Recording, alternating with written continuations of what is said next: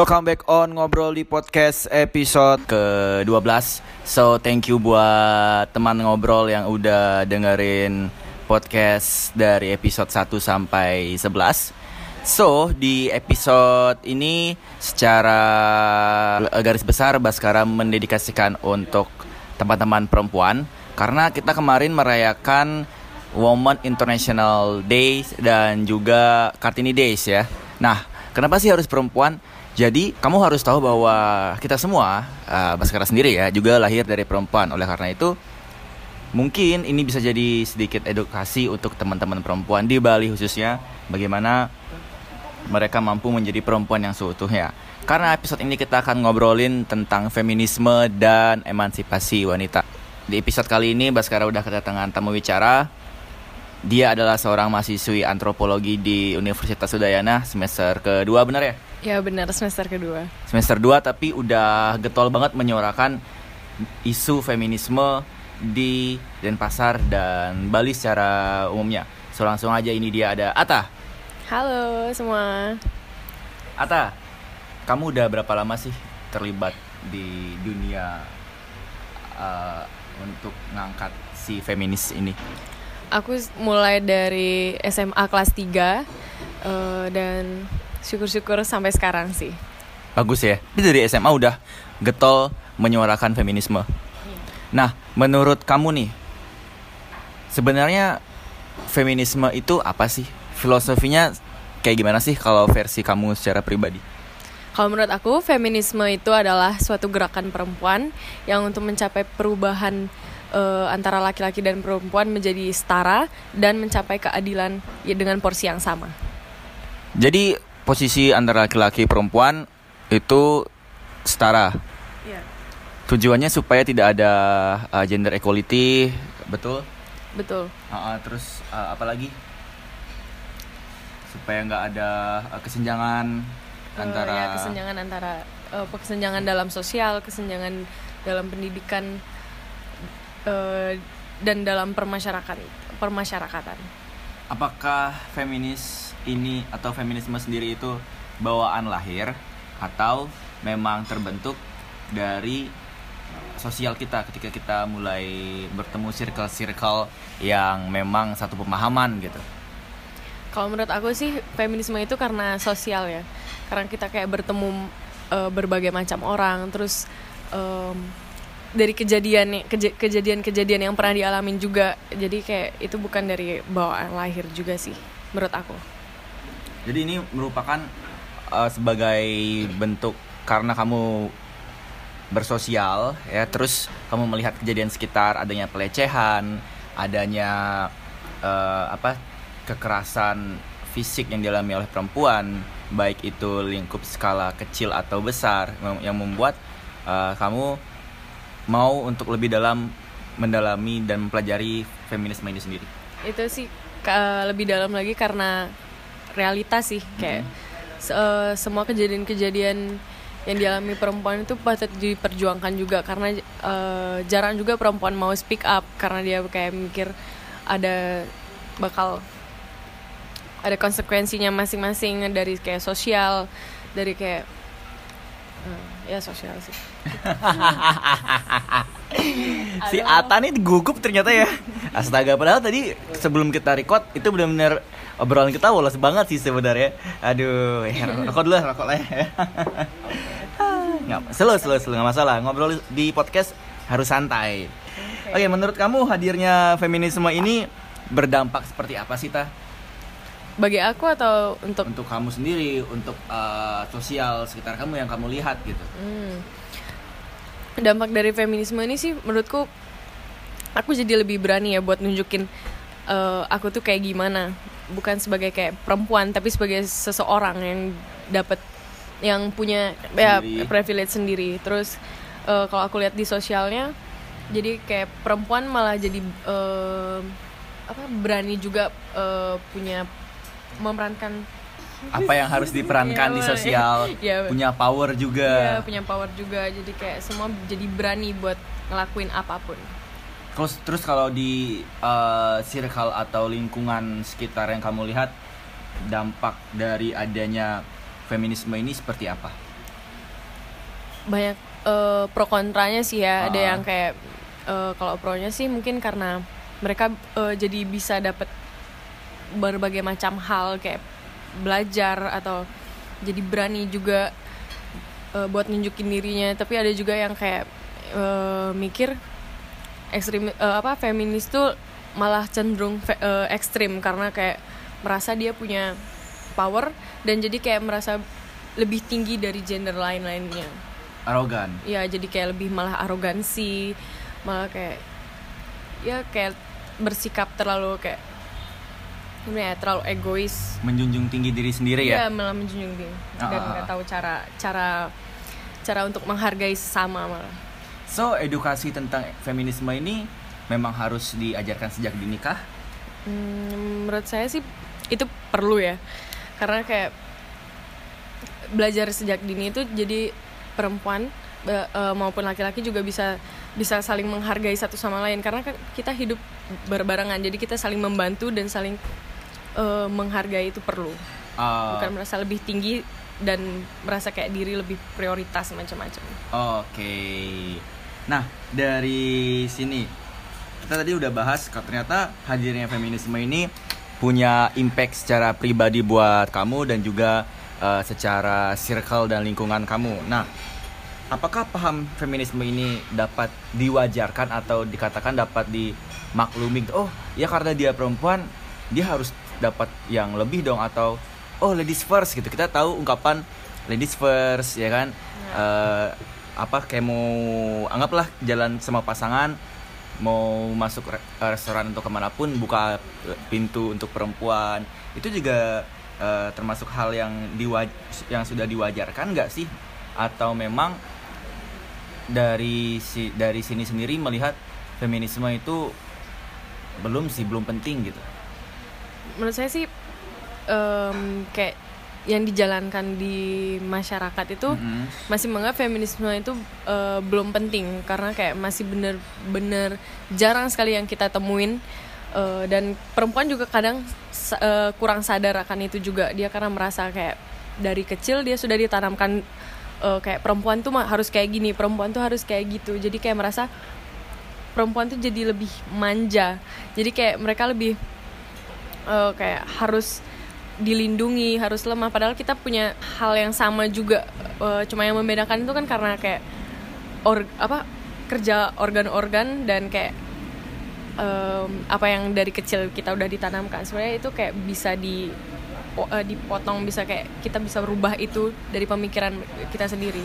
Dan aku juga kurang setuju sama tentang kayak ladies first. Kita bisa kayak lebih mengutamakan lebih yang ke hal yang lain bukan perempuan aja. Jadi kayak perempuan juga bisa buka pintu sendiri.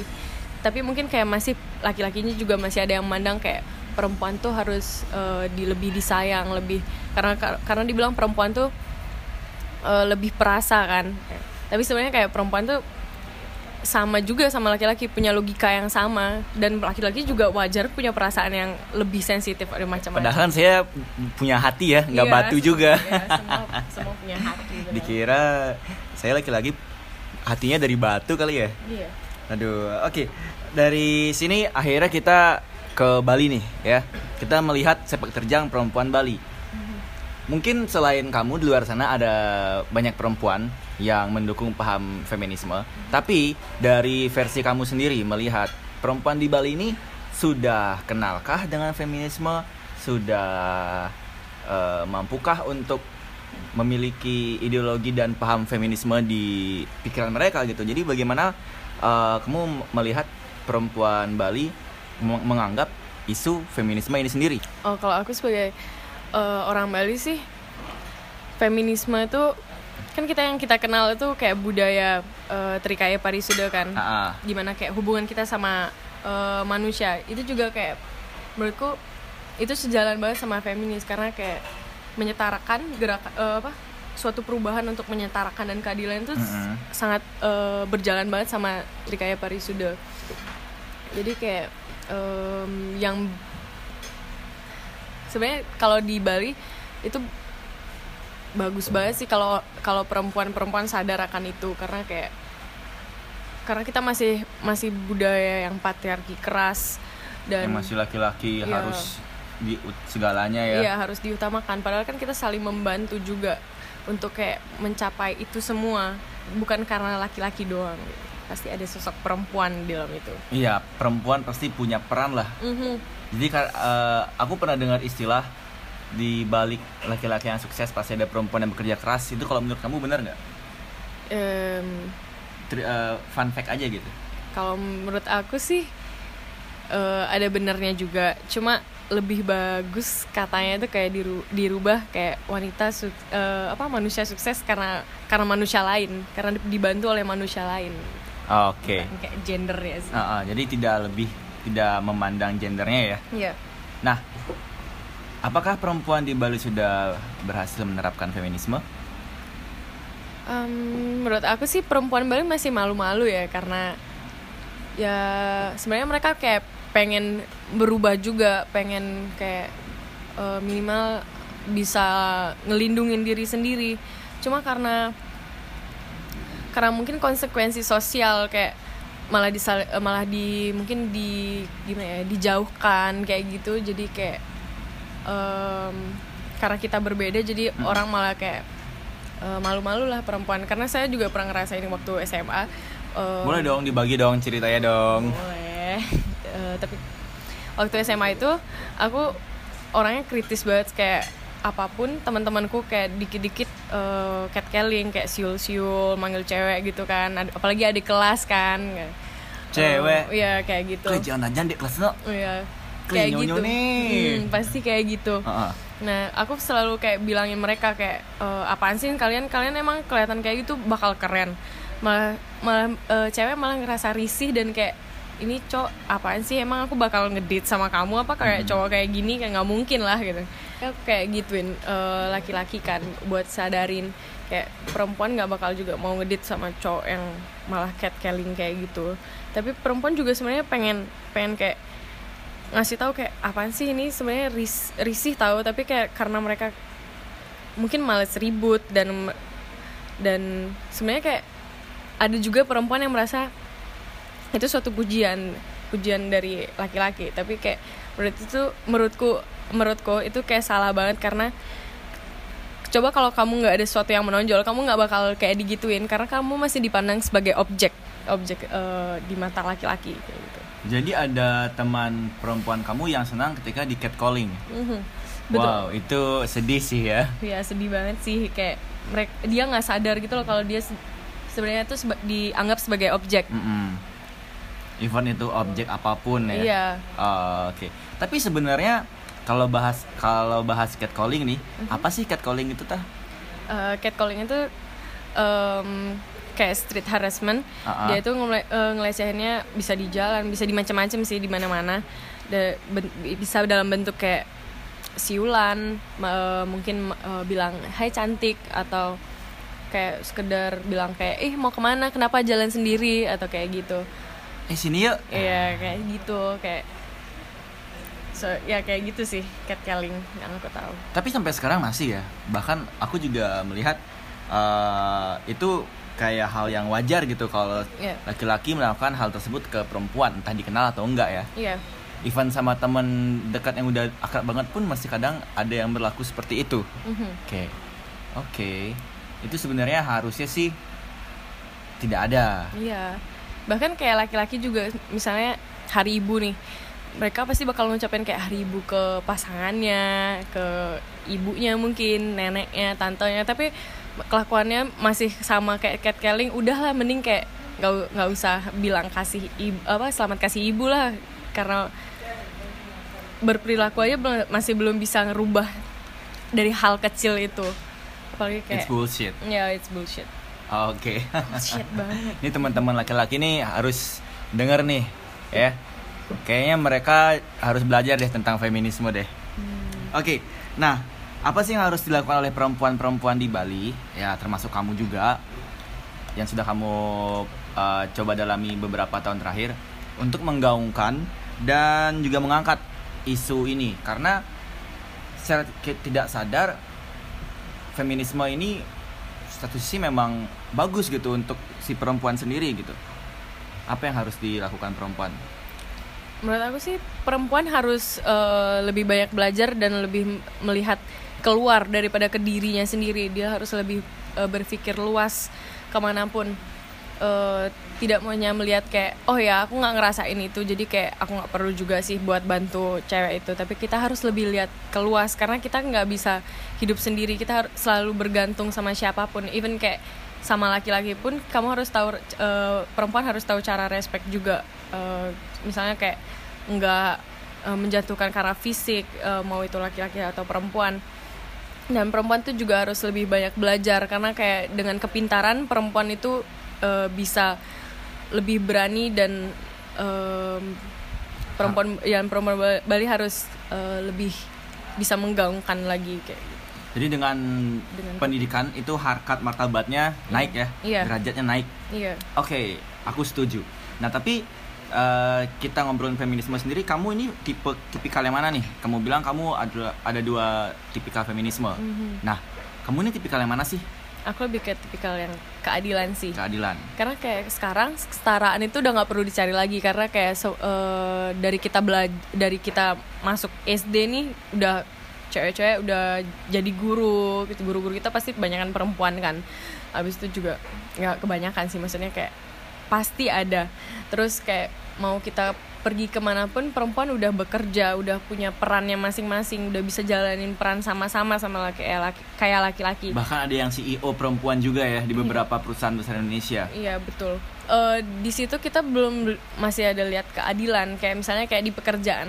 Misalnya perempuan biarpun udah kayak berpendidikan, bukan berarti dia terpelajar. Mereka baru ter- eh, berpendidikan dan mereka bekerja punya eh, jabatan yang kuat, tapi belum tentu ba- dibayar sama sama kayak laki-laki. Itu kan masih belum belum adil. Tuh. Padahal porsi kerjaannya sama. Iya. Oke. Terus keadilan apa lagi sih yang yang sekarang sedang uh, kamu coba fokuskan untuk angkat? Kadang kan ada banyak nih keadilan nih. Mhm.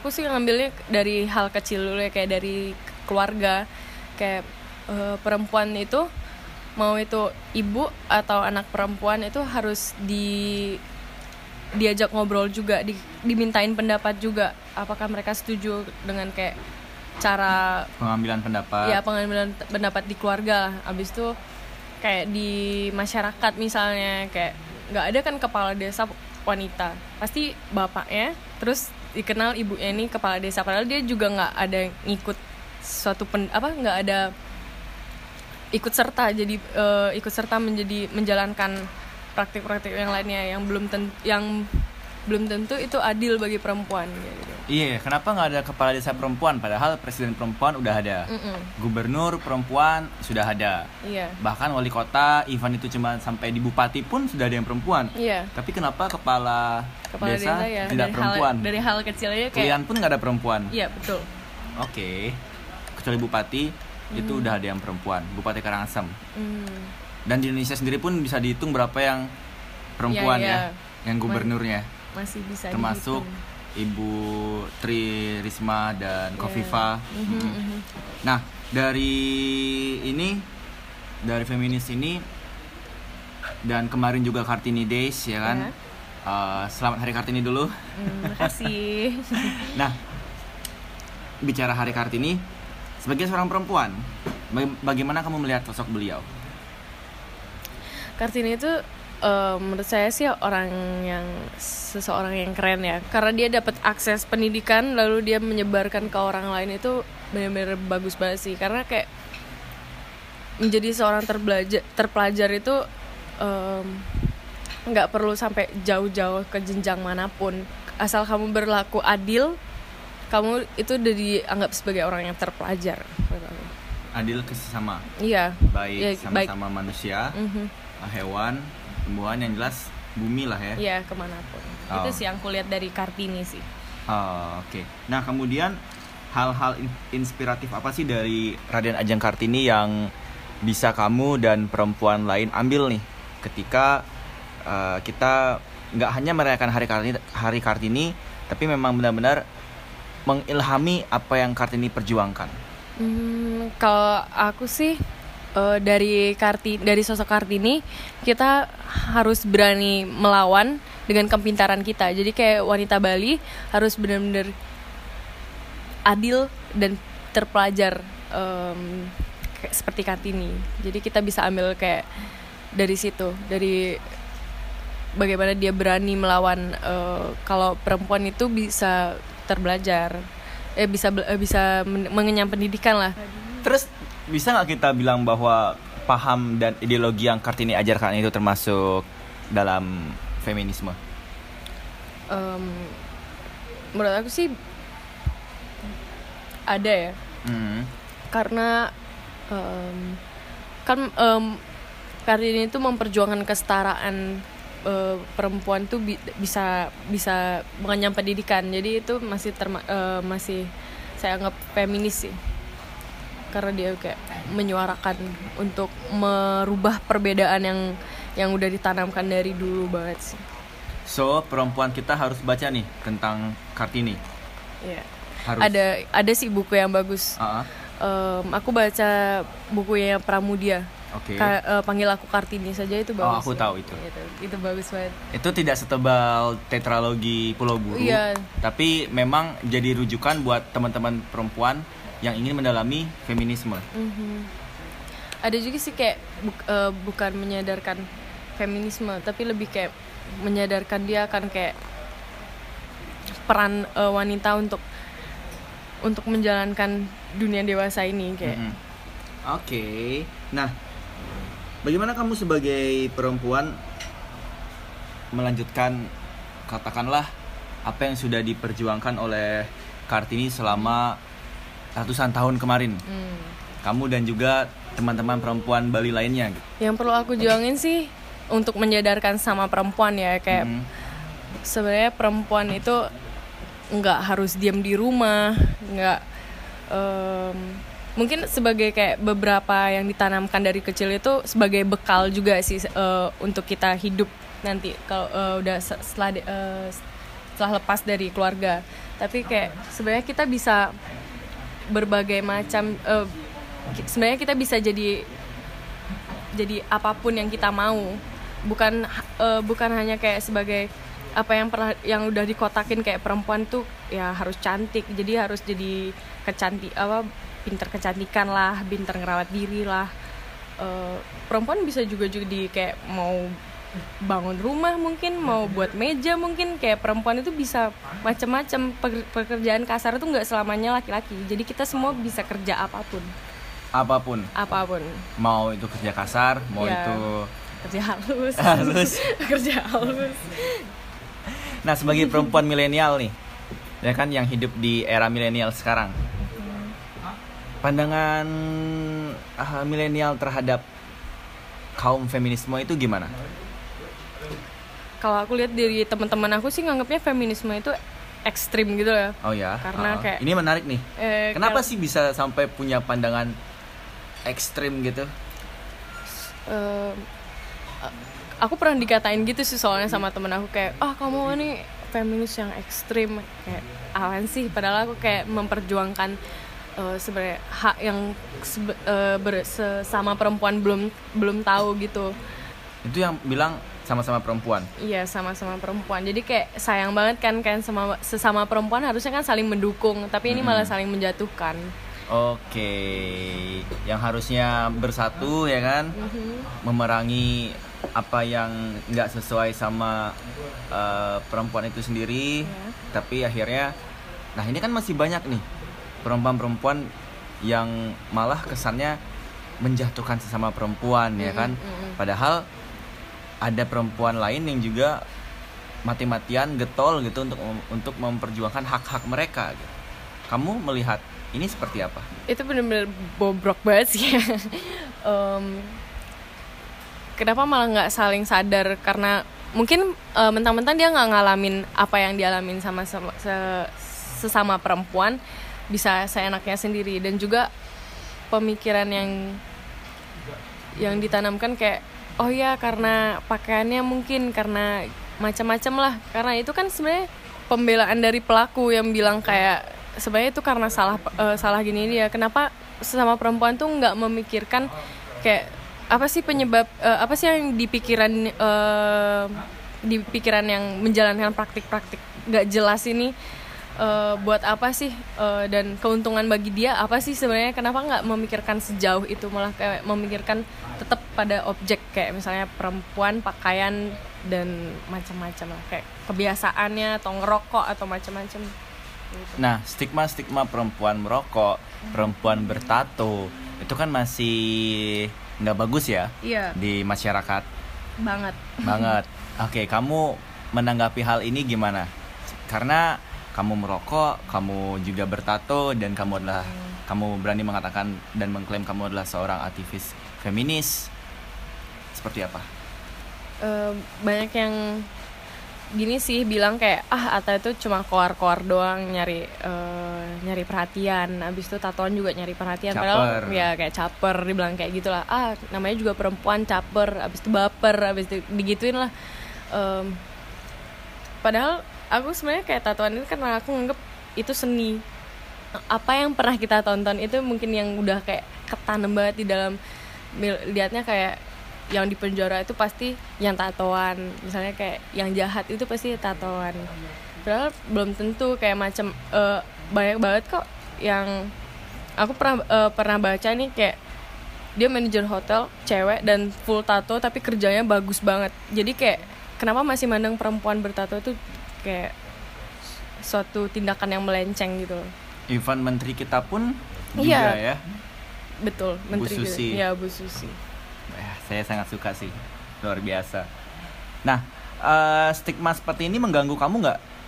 Tah, ganggu banget sih karena kayak kalau aku mau pulang kampung tuh kayak di pulang aku pulang kampung keluarga aku suruh kayak pakai baju yang panjang-panjang biar nggak dilihat sama orang-orang kenapa sih emang kayak ini kan eh, aku nggak pernah bunuh orang dan aku kayak misalnya keluar pun aku juga nggak nebas orang di jalan it's kayak a tattoo ya kan? ya itu cuma tato dan apa sih yang bikin orang tuh malah kayak jadi sakit mata kan nggak ada gitu Sangat, sangat mengganggu. sangat mengganggu sih Kamu pernah ini gak sih sampai ngasih pemahaman ini tat, ini cuma tato loh, cuma seni loh, nggak nggak nggak tidak ada tindak kriminalnya, tidak ada eh, ha- apa orang-orang yang tersakiti gitu, pihak-pihak yang merasa dirugikan gitu. Kalau itu sih belum ya, karena kayak susah banget sih berurusan sama orang tua karena yang lebih sering ngejudge itu kan orang tua terus. Jadi kayak ya aku lebih eh, pengen sih maunya aku ngerubah mindset teman-temanku yang masih muda-muda biar luas berpikir kayak ini ini cuma seni dan ini ini suatu dan kita tuh punya juga eh, kebebasan sendiri atas diri kita sendiri jadi kayak buat apa mikirin atas kebebasan sendiri gitu Tubuhmu otoritasmu, Iya. ya kan? Oke. Nah, menurut kamu bagaimana mengembangkan awareness feminisme ini untuk perempuan di Bali sendiri? Supaya mereka lebih peka lah, lebih lebih peduli lah tentang isu ini. kalau aku sih dari hal kecil sih dari pertemanan kayak bilang kalau catcalling itu nggak bener atau aku bilang kayak sebenarnya perempuan tuh nggak selamanya jadi eh, bernaung ke ha- hal-hal apa yang udah udah di di apa ya, dikotakan sebagai perempuan untuk bekerja yang lembut-lembut kayak gitu. Eh, perempuan tuh bisa jadi macam-macam. Aku bilang kayak gitu dan aku juga dulu punya teman yang bilang kayak ah aku habis SMA mau nikah deh gitu. Eh, kenapa nggak mikirin kayak perempuan itu bisa juga buat usaha dan dia malah dan bagus banget kalau ba- bagus banget dong kalau misalnya pendidikan yang udah pernah dia nyam tuh dia terapin beneran untuk memajukan masyarakat untuk lebih lebih ber, apa berdampak baik lah di di lingkungannya sendiri. Ada impact yang nggak cuma untuk dia tapi untuk orang lain. Iya betul. Jadi hidupnya lebih berguna lah ya. Iya. Habis sebenarnya nggak salah sih habis Iya. SMA nikah, cuma kan mungkin ada baiknya memang eh, cari experience experience Iya, atau pengalaman-pengalaman yang bisa membuat hidupnya lebih inilah ya Mm-mm. eh, apa kalau bilang berharga berharga tapi lebih terangkat lah Iya. Oh, Oke, nah jika ingin setidaknya menjadi atau membantu mengangkat isu ini, Mhm. apa yang harus dilakukan perempuan modern, perempuan milenials dan perempuan Bali sendiri? Um, hal yang pertama sih harus terbuka ya, uh, terbuka dulu. Karena kalau misalnya kayak yang aku lihat sih semua orang masih shock gitu loh kayak apa sih ini cuma pelecehan doang ya. Uh, ada juga yang mikir kayak ah juga aku nggak pernah ngerasain gitu. Mestinya kita harus lebih uh, sadar kayak dia itu perempuan dan dia kena pelecehan apalagi aku sebagai perempuan yang bak yang yang lebih sering terjadi uh, yang terse yang lebih sering jadi korban pelecehan. Kenapa nggak mikir kayak oh ya dia perempuan aku, uh, eh, aku perempuan. Jadi kayak aku juga harus lebih lebih aware sama diri aku sendiri kayak gitu. Oke okay. kamu punya pasangan? Hmm, punya. Punya. Punya. Laki-laki kan iya oke okay. nah bagaimana pasangan kamu atau laki-laki mm -hmm. ya mhm. kan kita bicara secara umum mm -hmm. itu dapat mendukung paham ini? Hmm, kalau menurut aku sih eh, laki-laki harus lihat uh, dulu ya apa sih kesenangan yang dalam diri dia, abis itu apa sih yang dicari sama dia dan disamain sama perempuannya karena uh, karena sesama manusia itu pasti uh, kita bakal ada kesamaan yang bakal dicari juga jadi kita -hmm. harus kayak menghargai itu dan uh, harus tahu lah kayak sama uh, kita harus sayangin diri diri sendiri dulu habis itu kita bakal tahu kayak maunya sama juga kayak kita kayak gitu. Oke. Okay. Nyamakan lah. Jadi lebih bagaimana ketika mereka si laki-laki ini oh mereka juga lahir dari perempuan yeah. ya kan uh, paling tidak punya saudara perempuan jadi bagaimana memperlakukan perempuan seperti ya manusia pada iya, umumnya yeah, ya kan dari hal-hal kecil gitu mm -mm. terakhir kasih advice dong buat teman-teman perempuan yang mendengarkan podcast ini mm-hmm. kalau mereka ingin berdikari atau setidaknya mereka paham bahwa mereka adalah perempuan yang seharusnya mampu hidup sendiri ya mampu melakukan mm-hmm. hal-hal sesuatu mm-hmm. sendiri kayak gimana? Kasih advice uh, apa kayak masukan atau saran dan lain-lain. Mm um, untuk feminis kan jarang banget di Bali. Um, karena laki-laki di sini itu terlalu banyak uh, ruangnya itu diberi, diberikan ruang. Uh, jadi uh, perempuan itu harus melawan dengan kepintarannya. Oke jadi supaya perempuan-perempuan terutama perempuan Bali lebih sadar akan isu ini mereka harus lebih banyak membaca dan belajar ya iya. dan, dan membuka melihat, melihat ke... open minded juga perlu mm -hmm. oh oke okay deh Thank you Ata udah ngobrol-ngobrol di ngobrol di podcast. Jadi silahkan kamu kupingin episode ini bisa di podcast podcast pastilah ya. Yeah. Bisa di Spotify. Rilis setiap hari Rabu. Ditunggu aja episode berikutnya. So, thank you atas sekali lagi terima kasih dan say hi bye bye. Bye bye semua.